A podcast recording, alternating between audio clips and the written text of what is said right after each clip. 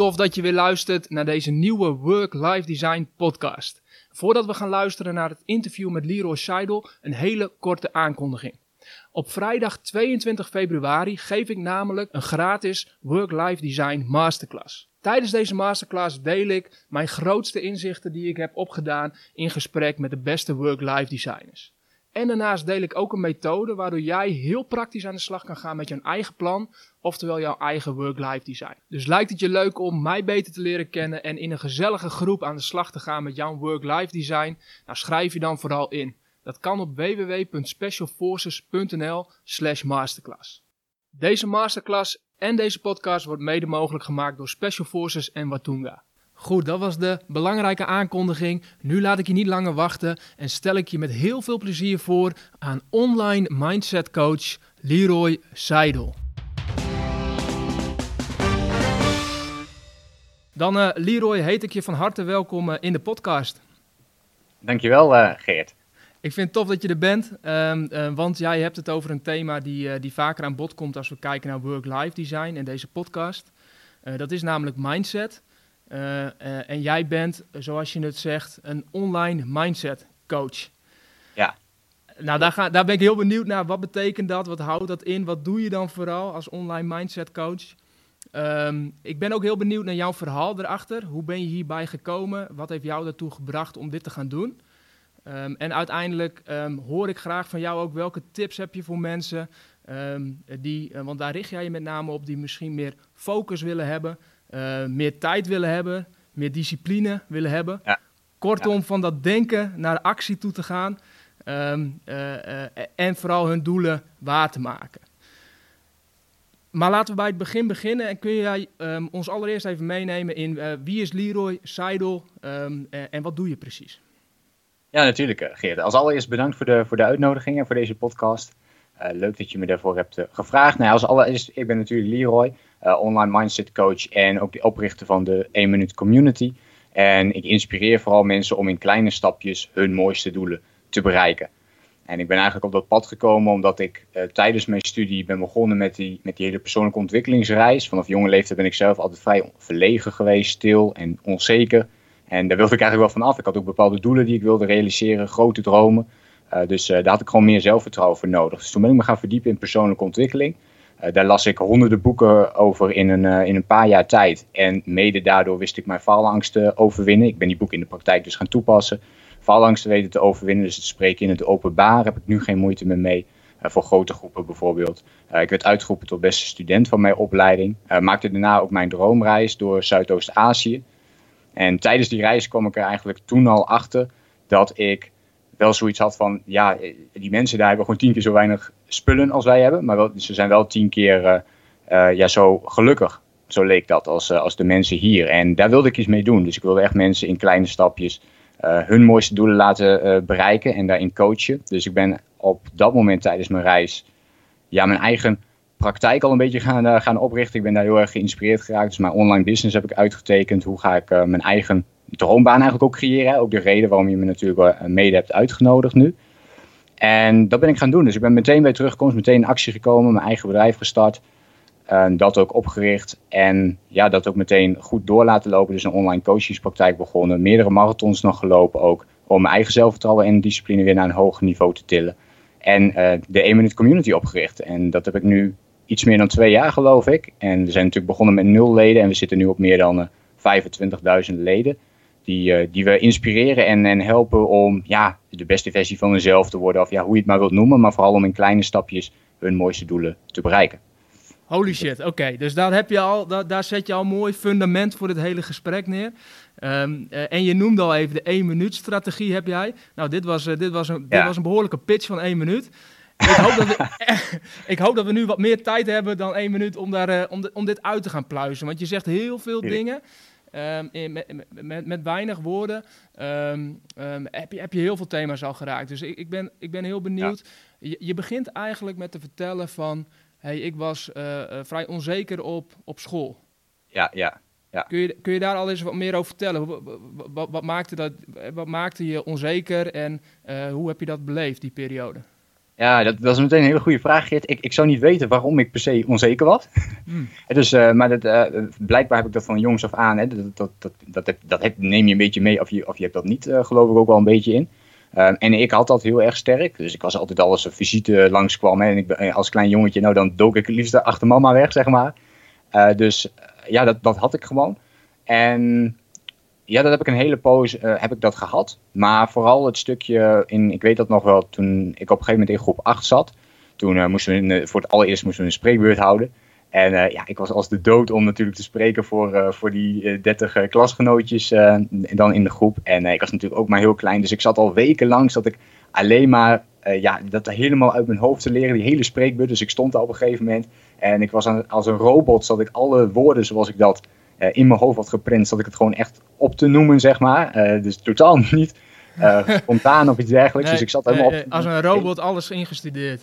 Ja, echt. En ehm, helemaal bezweet was ik op dat moment. En echt verschrikkelijke ervaring. Dat heb ik toen meegenomen. En daarna ging ik natuurlijk naar de middelbare school. Moesten we nog regelmatig spreekbeurten houden. Nou, ik vond het nog steeds verschrikkelijk om te doen. En ja, die ommezwaai is pas gekomen toen ik van de middelbare school uiteindelijk naar het HBO ben gegaan. Um, en toen dacht ik, oké, als ik mijn dingen wil bereiken. En toen had ik al bepaalde dingen waarvan ik dit wil ik doen. Ja, dan moet ik gewoon uh, fatsoenlijk kunnen spreken en ook gewoon meer zelfvertrouwen krijgen om, ja, om mezelf naar buiten toe te treden. En ook de spotlight eigenlijk op te zoeken. Ja. Hadden mensen in die periode, um, uh, konden mensen dat goed zien? Had je omgeving echt goed door dat je onzeker was? Of wist je dat wel aardig te verbloemen? En nou, was het met name een ding waar je zelf mee aan het worstelen was? Ja, dat uh, was, was ik denk allebei wel. Ja, dus ik worstelde er zelf mee. Um, en tegelijkertijd hadden andere mensen ook echt wel in de gaten ja, dat ik uh, wat stiller was. Of dat ik niet zo heel erg voor mezelf opkwam, bijvoorbeeld. Uh, dus dat soort dingen. Ja, dus ik allebei wel. Ja. Uh, het mooie wat je hierin aangeeft is, want als je dit vertelt, dan um, kan ik me daarin deels gelijk herkennen. Hè? Een stuk onzekerheid. Ik, ik, denk, ik, ik heb dat persoonlijk ook gevoeld. Uh, spreken vond ik ook uh, uh, verschrikkelijk. ik, ik herinner me ook telefoon opnemen bijvoorbeeld vroeger. Ja, dat, dat, dat, dat, dat, dat, ja, dat, dat vond ik echt heel, ja, heel spannend om te doen. Ja. Ehm, dus heel veel, heel veel en, en ik kan me voorstellen dat de luisteraar ook wel hierin dingen herkent van, oh ja, zo voelde ik dat ook. Maar het grote verschil wat jij nu zegt is van ondertussen was er ook al bij jou zo'n um, uh, verlangen gekomen uh, en heb je, heb je het over doelen, grote doelen die je wilde bereiken. Ja. Dus je was eigenlijk heel ambitieus als ik je zo hoor. Ja, ik, ik was zeker altijd ambitieus en ook altijd heel gemotiveerd. Hè? Dus, dus op school was ik al, uh, weet je, als ik thuis kwam, dan was het eerste wat ik deed was gewoon huiswerk maken. Meteen uh, ja, er bovenop zitten, om maar zo te zeggen. Uh, het gewoon doen. Ja, mijn ouders die zeiden van nou, je moet vooral uh, goed je best doen op school, dan heb je later een goede baan. Nou, ik, ik heb dat maar meteen aangenomen en ik denk, nou, dan moet ik dat maar doen. Dus ik was daar heel braaf in. En uh, dat heb ik ook gedaan. Dus ik heb er heel veel uren in gestopt. Ik durf wel te zeggen, op de middelbare school ook heb ik veel meer tijd ja, gestudeerd dan de, dan de meeste andere scholieren natuurlijk, als je daar nog over spreekt. En later op het HBO eigenlijk ook. En ja, daar is denk ik ook wel een beetje die werkethiek vandaan gekomen om ja, gewoon veel uren te kunnen knallen. Omdat je gewoon weet, dit is wat ik wil doen. Um, en daar dan ook ja, mee door te gaan totdat het uiteindelijk lukt. Ja. Wat waren een aantal doelen? Waar droomde je van in die periode? Ja, eh, als scholier, eh, zeg maar op een middelbare school viel dat allemaal nog wel mee. Ja, toen had ik wel één droom en dat was uh, profvoetballer worden. Natuurlijk van, uh, van iedere, iedere jongen volgens mij is een beetje wel de droom. Um, en ik kon het ook wel, ik kon het ook redelijk. Um, alleen, uh, ja, ik kreeg op een gegeven moment heel veel, uh, doordat ik uh, zo snel groeide, kreeg ik heel veel blessures. Um, en ja, op een gegeven moment was, nou ja, het laatste seizoen bijvoorbeeld, heb ik gewoon bijna niks meer gevoetbald. En toen kwam ook de ommezwaai dat ik naar het HBO ging. Toen moest ik veel gaan reizen.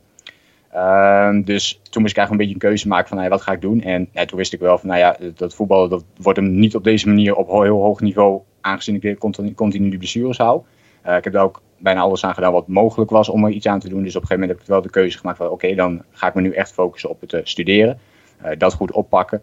En vanaf het HBO heb ik toen een soort nieuwe droom gecreëerd dat ik heel erg graag op dat moment, dat is wel grappig, want zo kan het dus heel snel veranderen, dat ik manager wilde worden en dat ik echt zoiets had van ja, ik wil mensen inspireren. En dus op het moment dat, ik zag toen al om mij heen dat heel veel studenten bijvoorbeeld, ja, ze gingen wel naar de colleges, maar ja, niet echt heel gemotiveerd. Uh, s ochtends en nog eventjes half geslapen of, uh, in, in de colleges. En ik dacht van ja, oké, ik ben hier. Dus ik kan maar beter ook iets gewoon doen met mijn tijd. In plaats van dat ik daar nog ja, gewoon zit niks te doen of even op de mobiel zitten kijken enzovoort. Dus ik ben toen al meteen heel goed met mijn tijd omgegaan op dat gebied om, om dat gewoon goed op te pakken. Ehm, en ook inderdaad mezelf dus continu te ontwikkelen. En een van die dingen was dus om mezelf ja, die leidinggevende positie te creëren voor mezelf. Dus ik ging me toen al verdiepen in communicatie, uh, leiding geven. Dus projectgroepen ging ik bijvoorbeeld leiden, puur om weer voor een groep te staan, om, uh, om daarmee in contact te zijn en zo andere studenten juist wel gemotiveerd te krijgen uh, om in beweging te komen. Dus dat was op dat moment iets wat ik heel graag wilde. Een team onder mij, die elke dag zou opstaan met de energie van wow, hey, er is weer een dag. Ik kan weer met iets, ik kan weer betekenis geven aan de wereld. Ik kan weer mensen gaan inspireren en helpen. Nou, dat stukje en, dat, en dat, team, dat team wat je toen voor ogen had, dat is nu een hele community eigenlijk geworden. Ja, precies. Ja. Bent. Welke studie uh, heb je gekozen? Welke volgde je? Uh, bedrijfskunde. Oké. Ja. Met voor ogen, ik wil manager worden. Ja, weet je, op een gegeven moment ben je, je bent natuurlijk nog jong. Uh, bij mij is, is, het sowieso allemaal iets anders gelopen. Ik, ik was, zat eerst op, het, op, de, op de HAVO. En dan zou ik van mijn zeventiende een keuze moeten maken. Wat voor opleiding ga ik doen? Uh, toen heb ik eerst gekozen, ja, ik had iets van 7, 8 opleidingen, die leken me allemaal leuk. Nou ja, om, om er eentje ervan te gaan kiezen, dat vond ik een beetje, ik dacht van ja, dat is, dat is ook weer zo wat. Dus ik dacht van oké, misschien is het wel veel beter om juist iets meer ervaring daarin op te doen. Dus ik ben eerst van HAVO naar het VWO gegaan. Uh, dat nog twee jaar dus gedaan. Er waren ook maar vier mensen die dat deden van de, nou ja, misschien 300, 400 of zo, die die overstap toen maakten. Dat uiteindelijk gehaald, maar er ook tegelijkertijd achter gekomen dat ik dat niet wilde doen. Het was veel te veel theorie voor mij. En ik denk, als ik dit op de universiteit moet doen, dan ga ik het volgens mij nooit halen. Uh, veel te veel stamwerk en toch te weinig praktisch ook gericht. Dus, uiteindelijk op wilskracht heb je die wel afgerond? Ja, echt op, echt op wilskracht. Ja, want uh, ja, echt de, de, examens toen, toen de examens eraan kwamen, toen was ik al helemaal, als scholier was ik toen al helemaal kapot. Want daarvoor had ik al zoveel gestudeerd. Uh, niet alleen voor het examen, maar voor al die andere dingen, dat ik er helemaal klaar mee was. Nou, dat zie je ook terug in de cijfers uiteindelijk op het examen, allemaal net afgerond. Dus uh, ja, wat dat betreft kantje boord. Maar meer kon ik ook niet aan doen. Dus, was dit ook al een periode waarin je eigenlijk, als je nu terugkijkt, heel veel technieken die je nu overbrengt, ook toepaste? Als je het hebt ja. over tijdmanagen, productiviteit, focus hebben.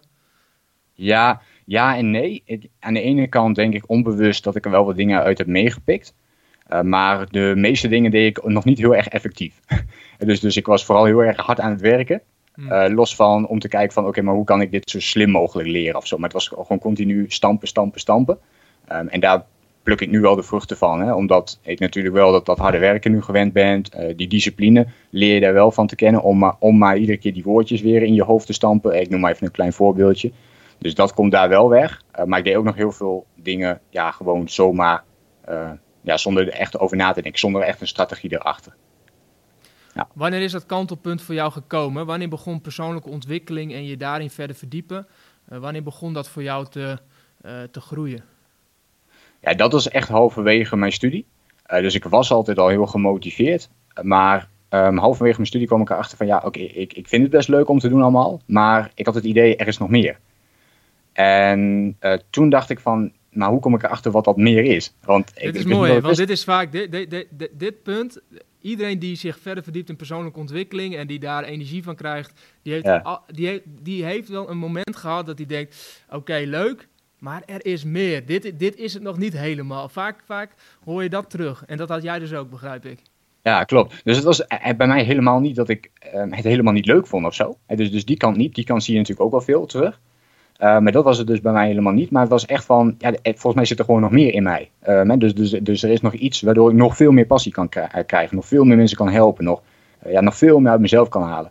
En dat is halverwege mijn studie kwam dat gevoel voor het eerst op.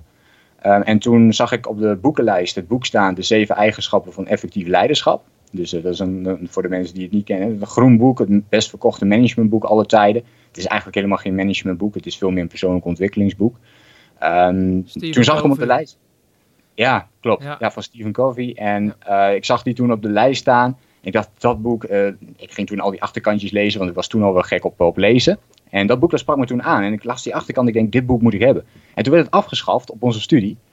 Dus we hoefden het boek uh, toch niet te lezen. En ik dacht van, ja, dat leek me nou net het mooiste boek wat erbij zat. Dus ik op Marktplaats gekeken, dus ik dat boekje op de kop getikt voor, voor een tientje of zo. En uh, ja, dat, dat tientje is volgens mij mijn beste investering ever geweest uiteindelijk. Mooi, er zitten nu docenten te luisteren die denken... oh, hadden we maar meer studenten zoals die Leroy... Ja. die daar gewoon zelf op zoek gaat naar zijn eigen boekenpakket. Ja, ja, ja. maar, jij investeert, maar dat was je eerste investering. Want dat is altijd vaak ook een moment hè, dat je investeert in jezelf. Dat, je, uh, ja. dat, dat, dat, is geld en destijds een tientje. Maar dat is, dat is als student betalen voor je boeken is niet gebruikelijk. Nee, ja, tuurlijk is betalen voor je boeken gebruik, maar niet naast die op de boekenlijst staat. Dus dat betekent, dat was je eerste investering in jezelf. Ja, dat was, ja, als je er zo over nadenkt, inderdaad was dat mijn eerste investering. Dus dat was dat tientje. Ja, en daarna toen ik dat boek las, toen, toen ik, ik ging heel open-minded ook in dat boek staan. Maar ik dacht van, wow, dit, deze, deze vent, dus die, die Stevie, uh, de Stephen Covey, die, die, beschrijft dat. En ik dacht van, dit klinkt allemaal zo simpel. Wat hij benoemt, al die dingen die jij noemt, die zijn eigenlijk heel simpel, maar zo moeilijk uh, toe te passen. In de praktijk, dus echt gewoontes aan, aanleren is, is een van die onderdelen. En moet je kijken hoeveel mensen er nu heel veel op social media zitten, maar eigenlijk we willen veel minder op social media zitten, maar het lukt ons niet. Of we willen bijvoorbeeld afvallen, lukt eventjes, maar dan lukt het weer niet. Nou, echt die, die basisprincipes waar we ons heel druk om maken, maar ja, waardoor we ook nooit echt op um, de diepte ingaan, hè, in, bij onszelf, echt erachter gaan komen, hé, wat willen we nou echt? Nee, omdat we ons alleen maar met de oppervlakkigere dingen bezighouden. Ja, dat beschreef hij heel mooi. Hmm. Ehm, en hoe je dat in, in, kleine stapjes kunt veranderen. Dus toen dacht ik, oké, ik moet volgens mij veel meer gaan lezen. Dat gaf hij ook als advies in dat boek. Lees heel veel boeken over die onderwerpen om je er meer in te verdiepen. Nou, ik ben die acties meteen gaan ondernemen op dat boek. Dus niet alleen het boek gelezen, maar echt meteen proactief in beweging gekomen. Um, ben ik, ja, waar, je met een, waar je iets heel essentieels zegt gelijk, hè? ja, dat is, dat is uiteindelijk leven in een wereld waarin er een overvloed aan informatie is. Ja. Uh, er zijn genoeg boeken te vinden. Uh, er zijn ook genoeg boeken te lezen, maar op het moment dat je het alleen bij lezen houdt en niet in actie komt, nou, dan raak je het raakvlak waar jij heel erg op focust, is ja, dan, dan heeft het geen effect. Je moet er wel iets mee gaan doen. Klopt, klopt. Ja. En dat is ook iets wat ik bijvoorbeeld in de 1 Minute Community met het VIP coachingsprogramma, waar ik me ook heel erg op coach. Dus ik leg bijvoorbeeld ook hele boeken uit, hè, met samenvattingen bij, ook mijn persoonlijke ervaringen. Maar ook altijd uh, op het eind nog even drie oefeningen die je vanuit het boek in de praktijk kunt gaan toepassen. En dan zeg ik ook wat bij van, goh, ga nu geen nieuwe boeken lezen in de, in de komende weken, maar ga gewoon alleen die oefeningen toepassen.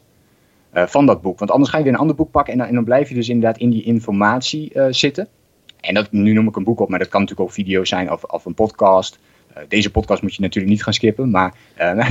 maar wel mee in actie komen, dus wel eruit ja, halen van, van je denkt van, hey, oh ja, daar, daar zit wat in, paf, gelijk dat Absoluut. doen. vaak hoeft het helemaal niet een heel groot iets te zijn. Je hoeft niet in één keer iets totaal nieuws te ontdekken, maar het gaat me meestal om die kleine die kleine nuggets eigenlijk.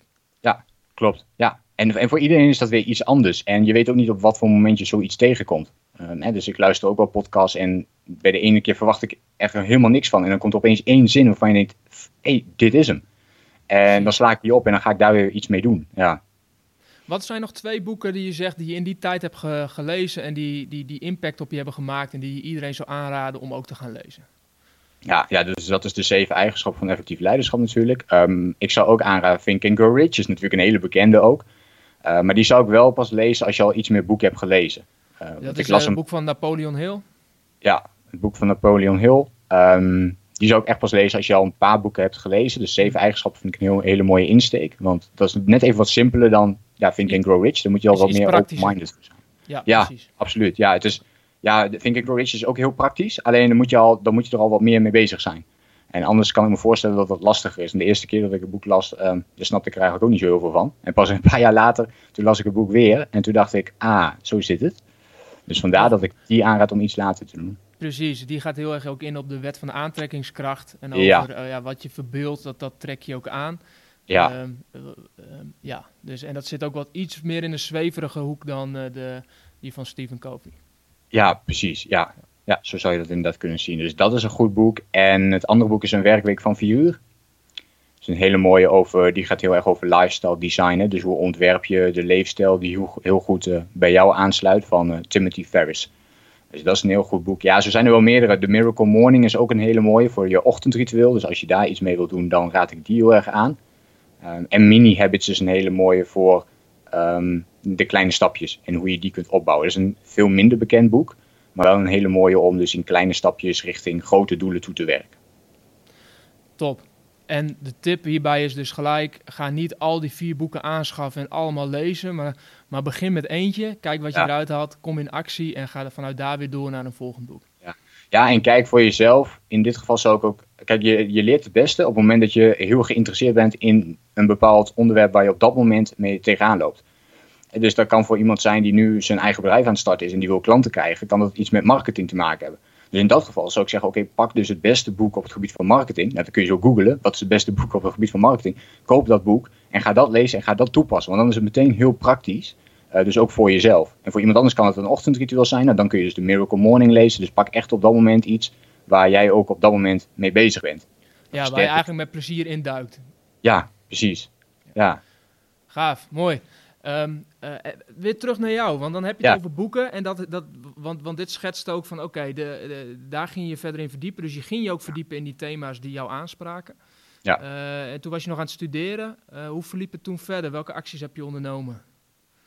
Ja, toen, toen ben ik dus in de, ondertussen die boeken gaan lezen. Maar ik ben ook mijn eigen leer... Ik ben echt doelen gaan stellen vanaf dat moment al. Dus we hadden natuurlijk de, de smart doelen die we moesten opstellen voor onze studie. Nou, dan elke student die, die deed dat wel. Maar die, nou ja ik vond, ik vond ook, ik had ook met die smart doelen, het was niet um, een persoonlijk ontwikkelingsplan, dat moest je schrijven. Eigenlijk zocht ik dat woord, nog een pop noemden ze dat dan. Mhm. En eh, nou ja, niemand nam dat echt serieus, maar ik had zoiets van, ja weet je, ik moet het toch maken. Dus laat ik dan ook serieus voor mezelf leerdoelen opstellen, dat gewoon doen. En ja, weet je, dan kan ik het ook allemaal veel makkelijker op papier zetten straks. Het kost me veel minder tijd allemaal en dan vind ik het ook nog enigszins leuk om te doen. Dus ik ben dat op die manier uh, toe gaan oppakken. Alleen de SMART-doelen was voor mij, het was een beetje te abstract voor mij, een beetje realistisch. Ja, wat betekent dat woord, de R dus in, in SMART bijvoorbeeld. Nou ja, en ik wist dat iedereen er wel een beetje tegenaan liep. Dus op een gegeven moment ben ik uh, gaan kijken, oké, hoe kan ik dat makkelijker voor mezelf maken? Dus hoe kan ik die doelen nog concreter maken? Dus toen ben ik dat hele proces ingegaan, tijdens mijn opleiding al. En ben ik beter geworden in hoe je doelen stelt, maar daar heel structureel uh, sterk op te zijn. Uh, projecten ben ik dus gaan leiden ook in, uh, in die groep. Specialisaties in de laatste jaren. Dus toen ben ik veel meer de coachingskant ook opgegaan. Dus daar heel veel specialisaties in gevolgd. onder andere ook een minor van Stephen Covey. de, de, maar dat ging dan over de achtste eigenschap. Dus het boek wat na de zeven eigenschappen komt. dus daar ben ik nog veel meer in, gedoken op die methodieken. En ik heb ook mijn afstudeerstage dus bij Stephen Covey gedaan. Dus bij, uh, de, uh, bij Franklin Coffee heet dan het uh, bureau in Nederland. de, de, internationale tak heb je natuurlijk en dan de Nederlandse tak. En daar heb ik ja, heel veel geleerd van de toptrainers van Franklin Coffee zelf, die dat dus allemaal weer coachen. En heb ik zo kunnen rollen bij bedrijven als Tommy Hilfiger binnen kunnen kijken hoe ze daar de trainingen verzorgen. En Baker wat, McKinsey. Was, wat was je onderzoeksvraag? Ja, mijn onderzoeksvraag. Um, is al waar, ging je onder, waar ging je onderzoek over, zeg maar? Welke, in welke hoek zit die? Ja, het ging in ieder geval over hè, hoe kun je de trainingskwaliteit dus uh, verhogen als uh, in dit geval Franklin Coffee zijnde. En dus hoe zorg je ervoor dat, dat je deelnemers erbij betrekt, maar ook ja, hoe gaan zij dus dingen vanuit persoonlijke ontwikkeling, want het zijn natuurlijk persoonlijke ontwikkelingstrainingen. Um, hoe ga je ervoor zorgen dat ze ook dat in de praktijk gaan toepassen daarna? Dus eigenlijk de dingen die we nu een beetje behandelen en wat ik nu ook nog wel doe, dat, dat, um, daar was ik toen al wel mee bezig. Ja. Mooi. Tof. En daar zat je in de wereld waarin je energie kreeg en waarin je dacht van ja, dit is de hoek die ik op wil. Ja, klopt. Ja, en dat is denk ik ook meteen een mooie tip. Um, dus als jij iets wilt, ga je echt focussen op dat wat je wilt. Want ik heb bijvoorbeeld tijdens mijn uh, uh, studie, heb ik, uh, kijk het allermakkelijkste is als je bijvoorbeeld een afstudeerstage zoekt om dan hè, te gaan kijken in Blackboard, noemde je bij ons. Nou, een systeem waar je alle vacatures kunt vinden van bedrijven die een stage zoeken. En daar kun je iets tussen vinden en dan weet je, oh dat bedrijf dat zoekt sowieso iemand ik wist van, ik wil bij dit bedrijf stage lopen, bij Franklin Coffee dus. En ik dacht, ik ga dat bedrijf gewoon benaderen. Die hadden geen vacature of iets dergelijks, maar ik ging ze gewoon benaderen via uh, LinkedIn. En ik stuurde ze volgens mij gewoon een, een mailtje. En, uh, en, en toen werd ik opeens gevraagd inderdaad van, om een keer een belletje te doen. En zo ben ik daar eigenlijk binnengerold. Maar puur dus omdat ik mijn focus had gelegd op, daar wil ik werken. En als dit niet was gelukt, dan had ik een ander trainingsbureau gekozen, wat daar zo dicht mogelijk bij had gelegen. En op die manier heb ik dus echt een afstudeerstage gedaan waar ik, ja, waarin ik elke minuut eigenlijk heb genoten van wat ik heb gedaan. Uh, terwijl ik heel veel anderen ook mee heb zien, struggelen. Met van, oh ja, ik, ik moet dit nog afmaken, zeg maar. Echt zo van, dat het echt een moeten wordt. En ik denk dat als je je bezighoudt met datgene waar je echt op focust, en dat is dus niet altijd de makkelijkste weg, want het makkelijkste is gewoon om dan die vacature te pakken, maar dan uh, daar zelf achteraan te gaan. En dat dus ook te gaan doen. Ja, heel mooi. Heel mooi hoe je dat schetst. En wat ik daar ook uithaal, um, is dat uh, er was een punt waarop je heel goed wist wat je wilde. Dus je wilde bij dat trainingsbureau, bij, daar wilde je stage lopen. Ja. Um, alleen in het verhaal wat je daarvoor schetst, het begon met één simpel boek. En vervolgens vanuit daar weer doordenken of, of uh, in die hoek blijven. En dan vanuit daar weer verder ver, uh, verkennen eigenlijk. Van hey, wat vind ik nou tof en wat spreekt me vooral aan? Welk boek vind ik nou tof? Hey, hoe kan ik dat? Dus eigenlijk begon het heel klein, waardoor je uiteindelijk heel goed wist wat je wilde. Ja, absoluut. Ja. En toen was je afgestudeerd? Ja, en toen was ik, uh, toen was ik afgestudeerd, ja, inderdaad. En ja, toen, toen begon mijn reis dus toen ben ik mijn backpackreis gaan maken door, door Azië. Um, overigens niet iets wat ik per se uh, heel graag wilde. Pas in de laatste twee maanden van mijn uh, opleiding dacht ik, had ik zoiets van... Ja, misschien lijkt me dat ook wel uh, leuk om te doen. Vooral met het idee ook nog van... Ja, oké, als ik straks wel... Want ik dacht toen nog eigenlijk in de beperkte patronen. Zoals ik dat nu al vaak noem van... Oh ja, of de beperkte patronen, maar de traditionele denkwijze. En van, oh, je moet afstuderen, dan moet je een baan zoeken, dan, is, dan koop je ergens een huis, nou, en, enzovoort. Dan krijg je kinderen en en zo gaat het een beetje door. En zo dacht ik toen ook nog. Dus ik denk, ja, oké, dan moet ik, dan, ik vind straks werk. Daar zit ik dan. En ja, dan kan ik misschien voor de rest niet ergens uh, naartoe. Dus ik dacht van, als ik een reis wil maken, een langere reis, dan moet ik dat gewoon meteen na mijn afstudeerstage doen. Uh, dus toen stond ik een beetje zo in. En op dat moment had ik ook uh, nog geen vriendin bijvoorbeeld. Dus ik zat daar ook nog nergens aan vast. Dus het was ook praktisch, was het makkelijker om het te doen. En uh, dus toen ben ik daarover gaan nadenken, oké, als ik dat dan wil doen, dan, dan moet ik daarna gaan kijken. En ja, ja, ik was natuurlijk nog steeds wel wat verlegen of wat onzeker, maar het was ook nog niet heel erg gewoon. Het is nu alweer wat jaren geleden dat ik ben afgestudeerd, maar toen was het nog niet heel erg gewoon dat iedereen zomaar op reis zou gaan overal naartoe. En ik wilde ook wel echt de, de locals kant opzoeken. Dus wel de gebieden waar ook geen, niet zo heel veel toeristen zijn. Um, en mensen geen Engels praten soms. En dus ik wist van, oké, als ik dit ga doen, dan wordt het ook wel zwaar. En ja, dat ben ik uiteindelijk wel gaan doen. Dus ik heb uiteindelijk wel die ticket geboekt en uh, alles bij elkaar gezocht. Nou, er komt natuurlijk veel dingen bij kijken dan, je visum regelen. En uh, vooral ook omdat ik wat langer ging nog. Uh, ik had geen backpack, ik had geen bergschoenen bijvoorbeeld. Nou ja, noem alles maar op. Dus ik had van ja, alles... Je was nog een rookie backpacker eigenlijk. Ik was een rookie backpacker inderdaad. Ja. En toen heb ik die reis daar gemaakt. En ja, voor mij heeft daar, is daar alles veranderd voor mij. In dat opzicht dat ik opeens dacht van oké, okay, er is veel meer dan alleen een baan in loondienst bijvoorbeeld voor mij. Um, en toen dacht ik van, ja, als ik mijn eigen dingen ga opstarten, hoe vet zou het zijn als ik mijn eigen dingen ga opstarten, maar tegelijkertijd ook nog zou kunnen rondreizen. Ja, het, toen ik mezelf die vraag ging stellen, toen, toen had ik wel zoiets van, wow, maar dat is ultieme vrijheid. En dan hoef ik niet per se, op de, dan hoef ik niet per se altijd te reizen, maar gewoon de vrijheid kunnen hebben om te zeggen van, oké, als ik morgen ja, een reis wil maken van een maand of twee maanden, of desnoods zes, zes maand, uh, dat ik gewoon kan gaan. Uh, bijvoorbeeld een laptop kan meenemen en ondertussen kan door blijven werken. Dus uh, dat idee dat is toen daar gekomen. Ik ben daar ook in aanraking gekomen met uh, wat mensen die dat toen ook al deden. Dus die zaten gewoon in dat hostel met een laptop en waren ze gewoon aan het werken. En dan vroeg ik van, joh, wat ben je eigenlijk allemaal aan het doen? En dan kom je in aanraking en dan, ja, nee, ik ben hier een beetje aan het reizen. En toen dacht ik van, wow, dit is echt heel erg gaaf. Al die vrijheid te hebben ja. en je eigen job uh, te creëren daarin. Dus uh, toen ben ik wel mijn eigen plannen gaan maken en dacht ik van, ik uh, hoef die goede baan ergens aan de randstand niet meer. Te hebben. Want dat was mijn plaatje een beetje van, oh, dan moet je naar de Randstad toe. Ik, ik woon zelf in, in Drenthe. Dus ik dacht van, nou, dan moet je daar naartoe om goed geld te verdienen en een goede baan. En dan pas heb je het echt gemaakt. En ja, dat plaatje was opeens helemaal verdwenen toen ik, toen ik die reis had gemaakt. Wat mooi, wat mooi. En daarmee zit de kracht ook op mindset, wat je schetst voor een deel. De vraag ja. die je zelf ging stellen is, hoe tof zou het zijn als dit en dit zou gebeuren?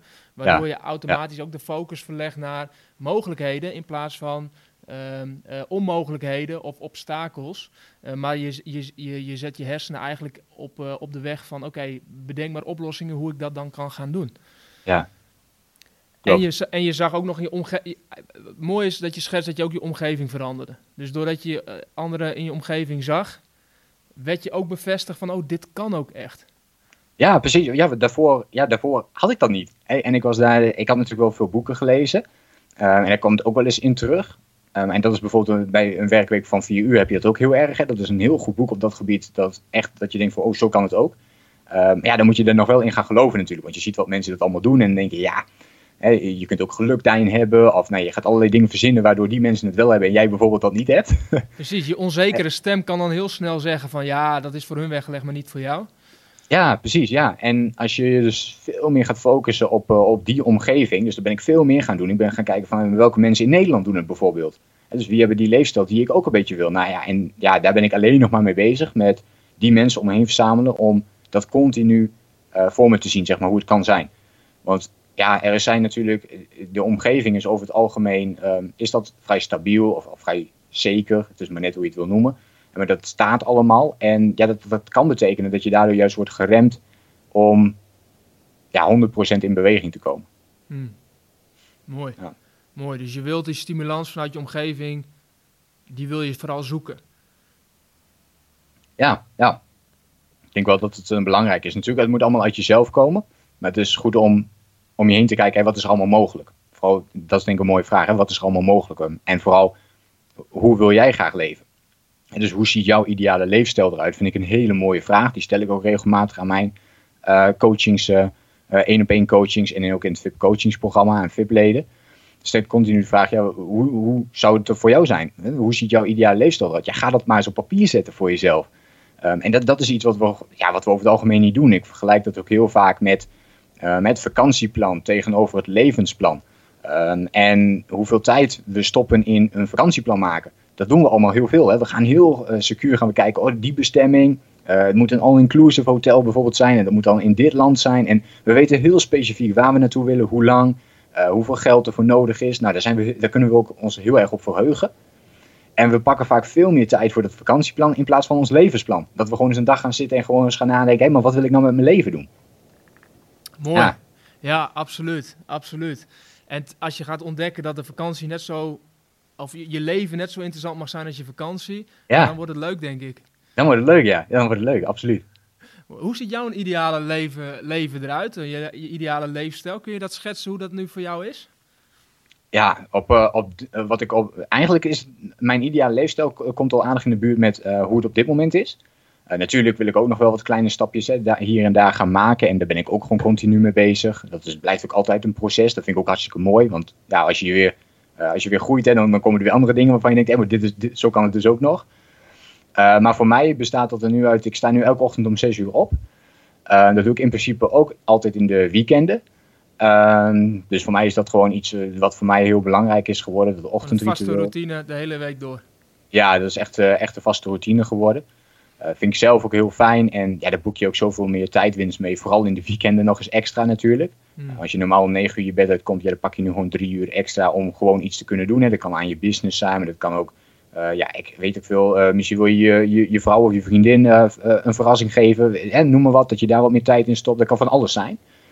dus dat vind ik heel lekker. Enige, enige uitzondering die ik maak, want ik hoor, ik hoor luisteraars nu al denken van ja, maar hoe doe je dat dan? Hè? Als je een feestje hebt of een, of een, een verjaardagsavond dan maak ik één uitzondering en dan, dan weet ik van mezelf, nee, dan pak ik altijd zes uur slaap. Hè. Dus stel, ik, uh, ik ga om drie uur uh, s'avonds, uh, tot drie uur s'nachts heb, ik een, heb ik een feestje. Nou, dan stap ik er om negen uur weer uit, om dan in ieder geval het ritme zo kort mogelijk te houden. Dus niet helemaal tot twaalf uur uitslapen, want dan is het hele ritme verstoord. Dus om dat gat zo klein mogelijk te maken. Um, en ik weet dat ik dan na zes uur wel weer goed kan functioneren. En voor mij werkt het ook niet om heel laat op te staan, want ik heb dan altijd een heel duf gevoel. En vooral in de weekend, als je dan laat opstaat, ja, ik voel me daar gewoon heel veel minder prettig bij. Dus vandaar dat ik dat dus altijd om Je hebt wel een joker, dus dan mag je die inzetten. Dan mag je nog wel zes uur slaap pakken, maar hoef je niet om zes uur eruit. Dus dat is in ieder geval eentje die, eh, die je kunt inzetten. Maar voor de rest schets je ook vooral, het gaat om die routine. En uh, uh, wat je zegt is, is herkenbaar, is als je langer slaapt, dan word je niet, dan word je niet altijd even fitter van wakker. Nee, absoluut niet, nee. En soms kan het ook, het eh, is weer afhankelijk per persoon natuurlijk, maar je kunt ook weer een soort van te veel slapen, waardoor je bijvoorbeeld ook slecht slaapt de volgende dag. Of, hè, als je dus s'avonds wilt slapen, dat je gewoon zoveel slaap hebt gehad dat je s'avonds helemaal niet heel moe bent of zo, of niet echt uitgeput bent. Ja, dan wordt het ook lastig om weer juist in slaap te komen. Dus het kan ook nog weer de andere kant op werken. Ja, dus ik sta het is interessant. Het is ook mooi hoe jij deze vraag beantwoordt. Het eerste waar je mee begint is een hele praktische, hele klein is je routine, is, is eigenlijk je slaaproutine. Um, ja. Als je het hebt over je ideale leven. En dat is eh, waar velen zullen schieten in, nou ja, weet je, ik doe dit met werk of uh, dit is mijn ambitie en, uh, en, en, en ik, ik sta er zo voor. Uh, begin jij eigenlijk heel klein met, nou, ik, ik sta op om zes uur. Ja, klopt. Ja. En dat, ben, dat is bij mij nooit zo geweest. Hè? Dus ook als je een avondmens bent, dan kun je dat ook doen. Want ik ben altijd een avondmens geweest in plaats van een ochtendmens. Dus ik zeg ook vaak van, nou, ik heb die verandering gemaakt van avond naar ochtendmens. Ik, weet je, ik ging vroeger ook altijd om, om 12 uur of soms om 1 uur in bed, s s'avonds. En dan kon ik er amper uitkomen s ochtends. Dus dat is echt een ommezwaai die ik heb gemaakt. Maar wel een gewoonte die je dus kunt aanpassen. Je kunt dat gewoon aanleren bij jezelf. Het zit gewoon in je hoofd als je denkt van ja, ik ben een avondmens. Ja, als je zo blijft noemen, dan, dan blijft dat ook zo. dus dat is een patroon wat erin zit, dus dat kun je wel, wel ombuigen. Ehm, dus ja, dat is iets wat ik nu doe, om 6 uur dan opstaan en dan van 6 tot 7 heb ik een vaste ochtendroutine. Uh, dat is ook iets wat ik dus mijn, als je echt het heel praktisch wil hebben, dan heb ik ook die schets gemaakt, de vraag gesteld, hey, hoe ziet mijn ideale leefstijl eruit? Dat heb ik helemaal op papier uitgeschreven, dus van hoe laat wil ik opstaan, nou, dat is dus 6 uur voor mij. Uh, wat wil ik dan in het eerste uur van de dag doen? Nou ja, en, en zo helemaal door. En in het eerste uur van de dag uh, ben ik van 6 tot 7 bezig met mijn ochtendroutine en die begint met een kwartiertje mediteren. Dan een kwartiertje bewegen, dus dan doe ik wat push-ups, sit-ups. Uh, yoga doe ik nog wel eens of planking. Een vaste routine vaak in. En dan een kwartiertje dat ik inspirerend uh, aan het lezen ben, noem ik dat uh, zelf vaak. Dus dan lees ik alsnog een, persoonlijk ontwikkelingsboek of iets wat op dat moment voor mij heel erg aanspreekt. En in het laatste kwartier ben ik dan aan het visualiseren. En dan gebruik ik dan bijvoorbeeld technieken ook vanuit Think and Grow Rich. En ondertussen mijn eigen technieken, die ik daar dan in heb, eigen heb gemaakt. Die gebruik ik dan om mijn doelen te visualiseren op de lange termijn, maar ook terug te halen naar vandaag. Oké, maar wat ga ik heel praktisch gezegd? Welke, een, welk, welk ene dingetje moet ik vandaag gaan doen om weer een klein stapje te zetten? En dus welke één minuut actie noem ik dat zelf dan? Ga ik vandaag zetten in de richting van mijn belangrijkste doel? Nou ja, die vraag stel ik dan elke dag en dan moet ik dat ene dingetje, daarvoor moet ik zorgen dat ik die dan uh, ga uitvoeren. Omdat ik mijn eigen... je in principe op één ding die waarvan je zegt, oké, hier moet ik, hier, dit wil ik vandaag kunnen vinken. Ja, Kun je een voorbeeld geven wat zou zoiets kunnen zijn? Ja, zoiets. Um, nou ja, heel praktisch kan dat zijn. Ik heb natuurlijk ook mijn eigen podcast. De, de 1 minuut podcast is dat. En nou, content is een van de dingen die voor mij als, als ondernemer in ieder geval heel belangrijk is om, uh, om dat continu te plaatsen. Zonder online zichtbaarheid ja, wordt het ook lastig om bijvoorbeeld je klanten te krijgen, om je boodschap te kunnen delen, om mensen te kunnen inspireren. Uh, dus een podcast maken zou iets kunnen zijn voor in de ochtend. Waarvan ik zeg van oké, uh, mijn actie, ene actie wat ik vandaag moet doen is Bijvoorbeeld, in het begin was dat voor mij één podcast maken. En maar nu weet ik dat ik bijvoorbeeld um, in één ochtend, ik plan dat wel eens, uh, dat ik meerdere podcasts in één keer maak. Uh, en dan vooruit kan plannen. Uh, dus nu weet ik gewoon, ik kan zeven podcasts bijvoorbeeld gewoon achter elkaar maken. Daar heb ik geen moeite mee op dit moment, omdat ik dat heb opgebouwd. Dus ik kan dan als een actie voor mijzelf opnoemen van ja, vandaag moet ik dus minimaal zeven podcasts opnemen. inplannen, zodat het allemaal wel klaar staat. Um, ja, de, de designs ervoor doen, de layout ervoor doen. En dat dat helemaal is afgerond. Dus dat is iets heel praktisch. En met, voor video's geldt dat voor mij hetzelfde. Of een blog die je wilt schrijven. Uh, een webinar voor mij dan in ieder geval, wat ik wil ontwikkelen. En dat zijn ook dingen die ik altijd in de ochtend doe. Dus als ik klaar ben met mijn ochtendroutine, dan heb ik altijd van 7 tot 11 heb ik geen afspraken gepland. Uh, maar dat is echt die vier uur, dat is gewoon focustijd. Ik noem dat ook wel eens dat ik dan in de monnikenmodus ben. Dus um, ik sluit mezelf dan als het ware op en ik ga dan gewoon echt aan de slag met wat het allerbelangrijkste is. En dat is dus die ene actie voor die dag. En hoe voorkom je dan afleidingen? Want iedereen kent de smartphone, de, de iemand komt binnen of uh, nou ja, er zijn tal van afleidingen. Hoe, hoe voorkom je dat je wordt afgeleid in die periode? Ja, um, veel dingen, uh, gewoon, ja, ik, ik schakel dingen gewoon uit als, als het ware. Dus, dus ja, de mail die open ik gewoon niet. Uh, maar dat betekent ook bijvoorbeeld, ja, ik heb zelf niet zo heel veel last meer van social media. Uh, dus daarvan heb ik ook een afspraak met mezelf. Nou ja, van dan en dan mag ik dat bijvoorbeeld voor zakelijk inzetten of voor privé. Nou, voor privé zet ik het alleen maar s'avonds in, dus kijk overdag helemaal niet. Dus WhatsAppjes en zo, ja, ik, ik, open mijn WhatsApp smiddags of uh, s ochtends gewoon helemaal niet. Uh, dat doe ik alleen maar s'avonds bijvoorbeeld. dus er zitten allerlei weer leefregels in, waar ik me dan aan hou om niet afgeleid te worden op dat moment. Mooi. En leefregels, dat zijn gewoon uh, uh, afspraken die je met jezelf hebt gemaakt en die jou ja. helpen om, uh, om dit, dit leven te kunnen leiden. Ja, absoluut. Ja, ja. En als je kijkt dan naar um, je werk, want wat doe je dan zoal? Dus je, je, je bent online mindset coach, je hebt een community ja. opgezet, je schetst ons net het beeld van oké, okay, zo ga je een dag in. Ja. Um, maar maar waar, waar Um, hoe verdien je je geld? Wat betekent het voor jou om online mindset coach te zijn? Wat moet je daarvoor doen? Ja, ja mijn geld verdien ik op uh, meerdere manieren. Maar de belangrijkste manier is de 1 Minute Community. Um, en dat is het VIP coachingsprogramma wat eraan gekoppeld is. Uh, dus door middel, mensen kunnen een lidmaatschap bij me aanvragen voor het VIP coachingsprogramma. En ik noem dat vaak om mensen daar een heel concreet beeld van te geven. De Netflix van de persoonlijke ontwikkeling. Dus op het moment dat je dat programma aanschaft, uh, dan betaal je maandelijks een vast uh, bedrag, wat je ook bij Netflix bijvoorbeeld doet. En dan krijg je toegang tot een heleboel video's, een heleboel films, en dat krijg je bij mij ook, alleen dan op het gebied van persoonlijke ontwikkeling. Dus eigenlijk de iets nuttigere, misschien nog iets leerzamere kant van in plaats van Netflix. die vind je dan bij mij en dat gaat dan over doelen stellen. daar heb ik video's over gemaakt. En dat zijn video's die je zelf hebt gemaakt? Ja, dat zijn video's die ik zelf allemaal heb gemaakt. dus ik leg daar ook in uit hoe ik bepaalde dingen aanpak. Bijvoorbeeld hoe ik mijn ochtendritueel heb veranderd. Nou, alle technieken die erachter zitten. Ook de templates die ik daarvoor gebruik. Uh, dus een disciplineschema bijvoorbeeld, wat ik zelf gebruik. Uh, al die templates staan daar ook in, video's staan erin. Eigenlijk de, de hele rambam, om het maar zo te zeggen, staat daar, staat daar allemaal in. Plus dat je ook toegang krijgt tot de 1 minuut community. Dus je kunt ook weer met andere mensen binnen, daarbinnen weer sparren over verschillende onderwerpen. Ja, hoe, hoe, blijf je gemotiveerd of um, hoe hou je de stok achter de deur. We hebben allemaal mensen daar die ook wekelijks bijvoorbeeld uh, meedoen met de wekelijkse planning. Dus iedere, iedere week een moment pakken voor zichzelf. Oké, wat heb ik nou eigenlijk afgelopen week gedaan? Wat heb ik de komende week gedaan? Hele mooie en belangrijke tip ook. Een wekelijkse planning voor jezelf. Dus een vast moment om één uur per week bijvoorbeeld. Dat moment te pakken echt voor jezelf en eens te gaan kijken van wat heb ik de afgelopen week gedaan, wat ga ik de komende week doen. Um, dat is een hele belangrijke om mijn doelen ook te blijven doorzetten. Dus er zitten een heleboel dingen in. Um, waar je dan lid voor wordt en daar betaal je een maandelijks bedrag voor. Dus dat is één van mijn verdienmodellen. En dat is voor jou, uh, wat dat betreft, een passief inkomen of ben je ook actief in, die, uh, uh, in dat programma? Hè, met passief ja. bedoel ik van het de, de, materiaal staat klaar wat je net schetst. Dus dan, hè, dan verkoop ja. je het en dan koopt iemand dat pakket en nou, daar hoef jij niet meer zoveel aan te doen. Of zit er ook nog een deel in waarin ze ja. met jou coachen of jou spreken? Hoe ziet dat eruit? Ja, klopt. Ja, het is deels passief. Um, wat jij inderdaad schetste, van mensen komen erin, dus die hebben alle toegang tot, tot alles wat er op dat moment is. Um, aan de andere kant, uh, wat ik nog wel zelf doe, ik bereid het programma uh, steeds verder uit. Uh, eigenlijk ook wel leuk om die link nog met Netflix te, te, leggen. Netflix die komt ook steeds met nieuwe films, met nieuwe series uit. Ik kom ook continu met nieuwe video's, met nieuwe templates, die het weer makkelijker maken, die het weer beter maken. Dus daar blijf ik, ik blijf continu bouwen, ook aan het programma. Dus het programma wordt steeds meer waard. Terwijl je in principe dezelfde maandelijkse kosten gewoon houdt. Um, en elke maand geef ik ook een coach call, een live coach call. Um, en dat is dan een moment waarop mensen dus naar mij kunnen kijken door middel van een webinar, een online training kun je het ook noemen. Um, en dan geef ik de belangrijkste inzichten, de nieuwste inzichten over persoonlijke ontwikkeling deel ik daarin. En dan hebben mensen ook de kans om daarna nog in de Q&A, dus het vraag- en aanbod uh, om daarin hun vragen aan mij te stellen waar ze die maand bijvoorbeeld tegenaan zijn gelopen, zodat ze weer nieuwe stappen kunnen zetten.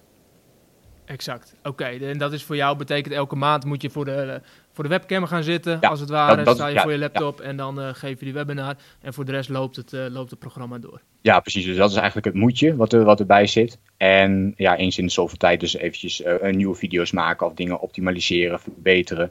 Ehm, dat zit er ook bij, ja. Okay. En voor de rest is het passief. En welke inkomstenbronnen heb je nog meer? Je zei, ik heb, de, ik heb er wat meerdere. Ja, ja, dat is het uh, VIP coachingsprogramma. Ik noem dat wel eens het VIP 1.0 coachingsprogramma. En ik heb dan ook nog het VIP 2.0 programma. En dat is um, min of meer één op één coaching. Dus dat betekent dat um, sommige mensen vanuit het programma bijvoorbeeld zoiets hebben van ja, ik, ik heb eigenlijk al die dingen heb ik nu allemaal geleerd. Ik, ik heb het allemaal hier zitten. Maar hoe ga ik het ook uh, continu toepassen? Hoe ga ik het nog praktischer maken? En zij kunnen dan bijvoorbeeld ook persoonlijke begeleiding weer van mij krijgen. En dan voeren we vaak, uh, dan kom je eigenlijk in een coachingstraject terecht waarop je ook één op één coaching met mij krijgt. Dus dat is, uh, dat is eigenlijk het tweede product wat erbij zit. En ik verkoop ook losse programma's. Dus een van die programma's is bijvoorbeeld uh, Master Your Time. En daarin krijg je nog 14 time management lessen. Die ik allemaal toepas. En die je allemaal in volgorde kunt gaan toepassen. Dus een stappenplan ook. Om dus veel effectiever met je tijd om te gaan.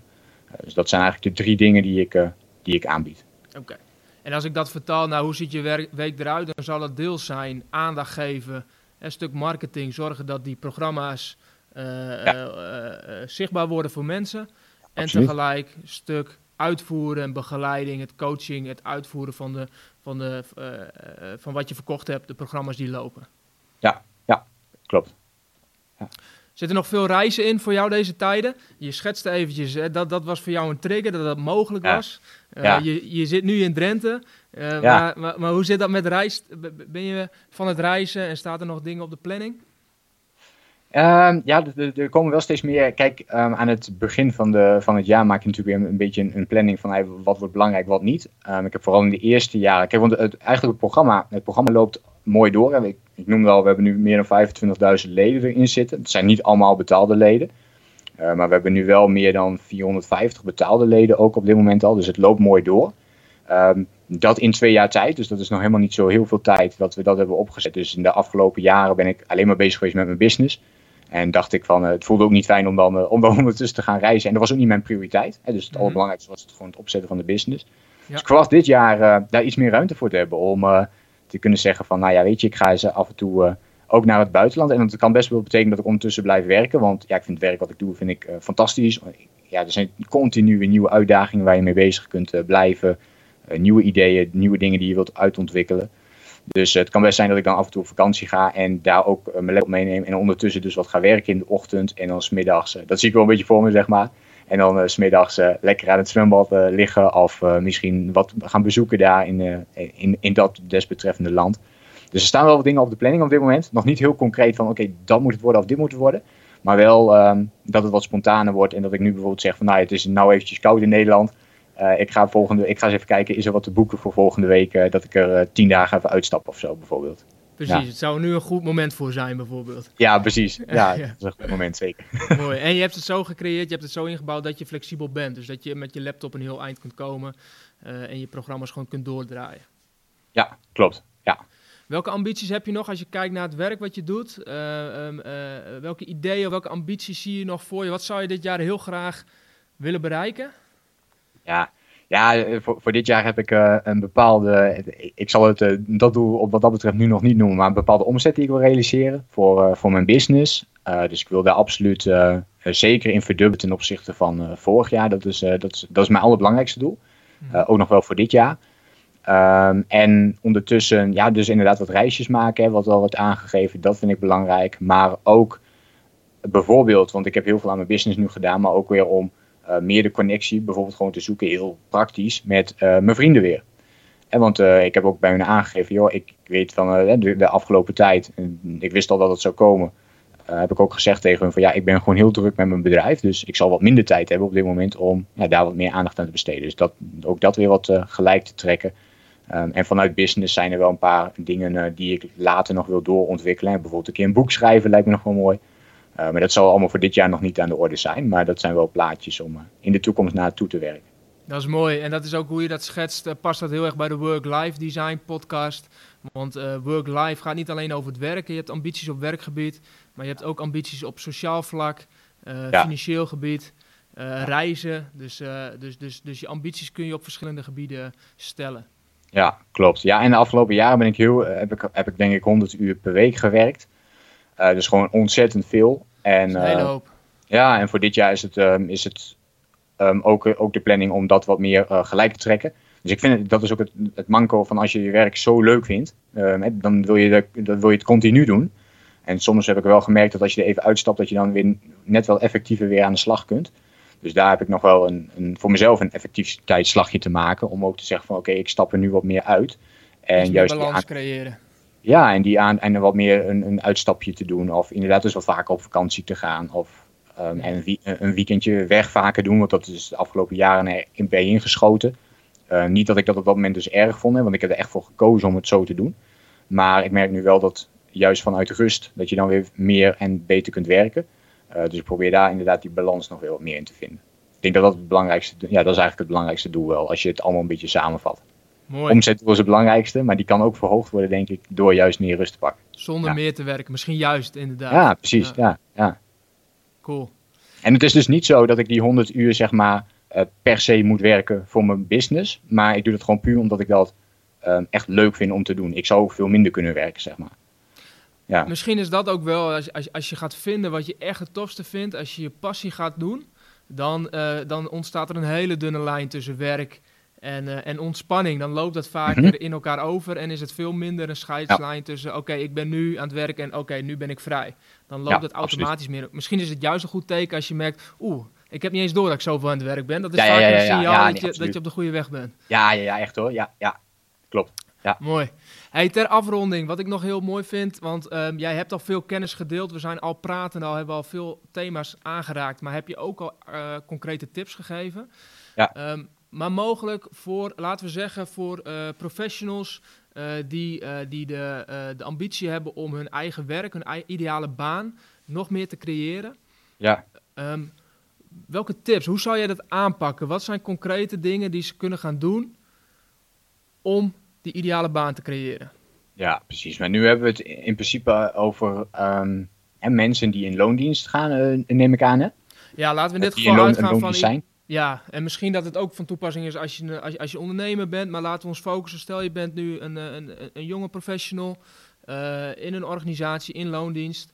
Uh, en je merkt wel van, ah, ik zou wel, ik zou wel hoe, hoe, hoe, ga ik dit, hoe ga ik nog meer plezier uit mijn werk halen? Ja, precies. Ja, als allereerste zou ik persoonlijk altijd kijken naar de leefregels. Um, ik, ik, noem dat vaak ook wel je persoonlijke grondwet schrijven. Dus een, niet een grondwet waaraan je moet houden vanuit het land, maar gewoon vanuit jezelf. Hè. Maar wat zijn nu eigenlijk de regels die ik uh, zelf wil voorleven? Ook zowel als in, werk als in privé uh, heel verstandig om te doen.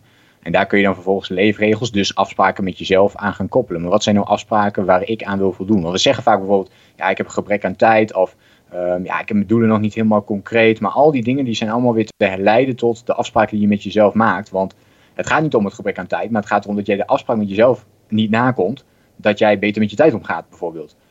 Uh, dus daar zit het hem wel heel erg in. Dus hoe wil jij dat graag zien? Dus als jij bijvoorbeeld nu heel erg last hebt van uh, de continue stroom van mailtjes of de continue stroom van telefoontjes. Het ligt natuurlijk aan in wat voor functie je misschien ook bent. Je hebt misschien niet altijd die mogelijkheid. Maar ga dan kijken van oké, wat kan ik doen om dat te beperken? En dus kan ik in overleg, kan ik de verwachtingen eh, naar andere mensen toe ook verduidelijken. Dat ik er op een bepaald moment bijvoorbeeld niet ben. Ik coach nu ook iemand in om uh, minder te gaan werken en meer in het, uh, met het bedrijf aan de slag te kunnen gaan. Nou, hier zijn veel voorbeelden van. Dus die minder fulltime willen werken, maar ook daarnaast hun eigen hobby willen uitvoeren en daar ook wat mee willen verdienen.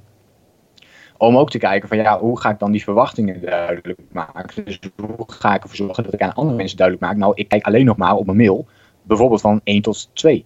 En s ochtends of daarna mag je een mail sturen, maar ik reageer gewoon niet. En op het moment dat dat heel duidelijk is naar anderen toe, maar nog veel belangrijker dat jij dat gaat naleven, dus elke mail die je stuurt, die moet tussen 1 en 2 zijn. Als die daar binnen niet valt, ja, dan zien andere mensen dus dat jij ook gewoon daaromheen nog, nog gewoon actief bent. Dus mensen weten, ja, hij zegt het wel, maar hij reageert toch wel. En ik denk dat dat wel heel vaak gebeurt. Dus ik zou heel erg kijken van, nou, wat zijn afspraken, hoe wil ik het graag zien, het werk? En wat, wat voor invloed kan ik daar nu zelf al op uitoefenen? Welk kleine stapje kan ik daar nu al in gaan zetten? En nu noem ik van 1 tot 2. Maar als je normaal de hele dag actief bent, dan zou je ook eens kunnen zeggen van, oké, nu dat ik alleen van 9 tot 10 niet actief ben op de mail. En maar gewoon um, een belangrijke taak ga afronden. Dus dan maak je het veel kleiner. Heel mooi, heel mooi. In de tips zit hem al zo klein. Hij is heel praktisch, heel concreet. Ja. Dus stel regels op voor jezelf, bedenk wat voor jezelf belangrijk is. En twee, vertaal dat voor jezelf naar een, uh, naar, naar een concrete regel of een kleine regel. En drie, hou je daar vooral ook aan. Ja, en, en hou die kleine stapjes er vervolgens ook in. Dus ik noem dat één minuut acties. En dat betekent niet letterlijk dat je maar één minuut iets hoeft te doen. En het mag ook één of twee uur of zo zijn. Maar kijk eens naar iets wat jij wilt veranderen. Dus een bepaalde gewoonte. En ga dat dus 30 dagen achter elkaar toepassen. Um, en ga dan eens kijken van oké, is het een gewoonte geworden ja of nee? Moet ik het nog langer doen? Doe het dan nog langer, maar focus je op die ene gewoonte. En ga dus niet dat ook nog, ga niet allerlei andere dingen ook nog van jezelf vragen op datzelfde moment. Dus ga niet en de mail nu veranderen en de telefoon en, um, en ik wil nog boeken lezen en ik wil nog dit. En dan krijg je al die ideeën. Waar je vervolgens misschien van elk idee 5% afrondt, maar vervolgens niks helemaal doet. En dan kun je beter één ding helemaal doorvoeren waar je, waar je de rest van je leven een gewoonte van hebt gemaakt. En dan doorgaan naar het volgende. Helder. Mooie concrete tip. Tot slot, als we jou in de gaten willen houden, als we willen zien of het je lukt om dit jaar misschien wat meer uitstapjes te maken. Ja, ja, ja. Uh, maar als we ook benieuwd zijn naar de community die, die, die je hebt, uh, waar kunnen we je volgen? Ja, je kunt in ieder geval naar mijn website natuurlijk, dus www.leroyseidel.nl. Uh, daar heb ik ook een gratis e-book, De Magie van 1 Minuut. Dus daarin leg ik ook die 1 minuut actie uit. Uh, dus hoe je dat in kleine stapjes kunt opbouwen, hoe je meer zelfdiscipline kunt krijgen. Uh, dus dat, is een, een, dat zou eigenlijk mijn, mijn tip zijn. En voor de rest ja, ben ik te vinden op, op YouTube, op Instagram, op LinkedIn, Facebook. Ja, noem het allemaal maar op. Eigenlijk kun je mijn naam gewoon op jouw favoriete kanaal vinden. Eh, dus uh, zit je veel op Instagram, ja, tik dan Leroy Seidel in en dan, uh, dan vind je me ook.